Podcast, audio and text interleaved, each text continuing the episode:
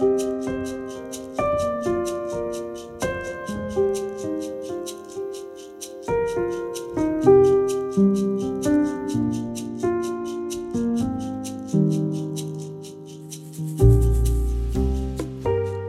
lytter til Spires pod, og mitt navn er Vidar Mæland Bakke. I vår håpsordserie har vi kommet til Salme 23. Og jeg leser fra boka mi Gi mine øyne lys. Mangler jeg ingenting, sier du? Herren er min hyrde, jeg mangler ikke noe. Salme 23, vers 1 kan Guds godhet erfares både ved det sorgløse hvilestedet og på reisen gjennom skyggelandet? Hvordan kan vi unngå at talen om Guds godhet blir teoretiske fraser fra godstolen, uten kontakt med virkeligheten ute på den støvete veien? Salme 23 er kanskje den mest siterte av alle Bibelens salmer. Noen ganger syns jeg den brukes på en litt overfladisk måte. Vi kan lett overse at de vakre og poetiske vendingene beskriver et liv preget av voldsomme kontraster. Ikke så ulikt det mennesker som går gjennom perioder med tungsinn eller depresjon, beskriver. Salmen begynner og slutter så godt. Men midtveis skjer det noe.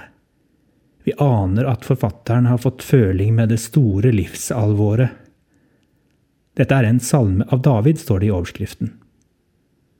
Kan det tenkes at den berømte kong David begynte å formulere denne salmen da han var ganske ung, for først å fullføre den sent i livet?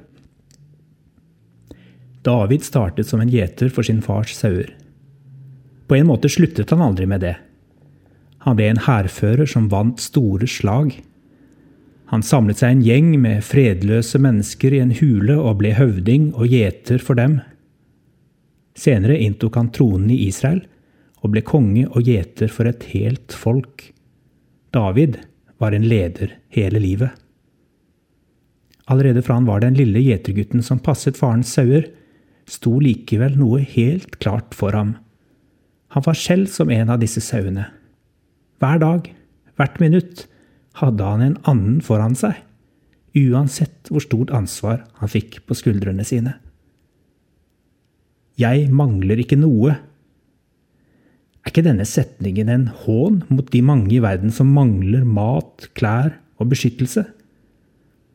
Og da jeg selv kjente på den grufulle gudsforlattheten og den eksistensielle ensomheten, hvordan skulle jeg kunne be en bønn som dette?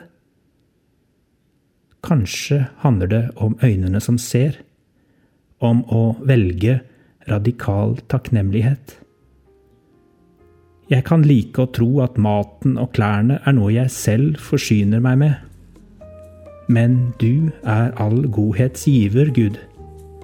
Derfor gjør jeg et aktivt valg.